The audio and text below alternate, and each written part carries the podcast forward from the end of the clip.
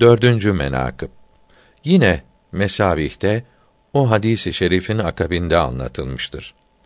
Sa'd bin Ebu Vakkas radıyallahu teala anh dedi ki: Hazreti Resul Ekrem'in sallallahu teala aleyhi ve sellem huzur şeriflerinde oturan Kureyş hatunlarından birisi yüksek ses ile konuşurken Hazret Ömer radıyallahu teala an gelip içeri girmeye izin talep etti.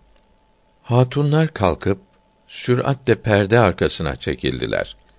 Hazret Ömer'e radıyallahu teala an izin verilip içeri girdi. Baktı ki Hazreti Resul Ekrem sallallahu teala aleyhi ve sellem gülüyordu.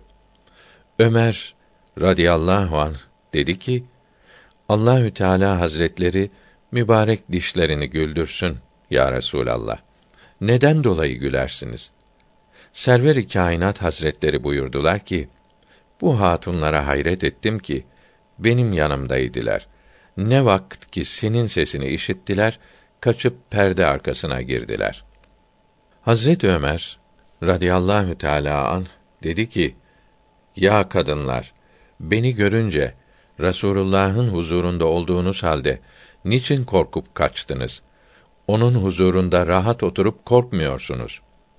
Hatunlar perde arkasından dediler ki: Ya Ömer, sen yaratılışta şiddetli ve gadaplısın.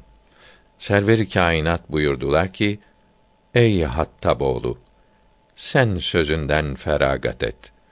Varlığım yedi kudretinde olan Allahü Teala'ya yemin ederim ki şeytan yolda sana rastlasa o yolu bırakıp başka yola sapar, yolunu değiştirir. Peygamberimizin sallallahu teala aleyhi ve sellem kadınlar ile oturması hicap ayeti gelmeden evvel idi. Hicap ayeti gelince kadınlar ile bir arada oturmadı.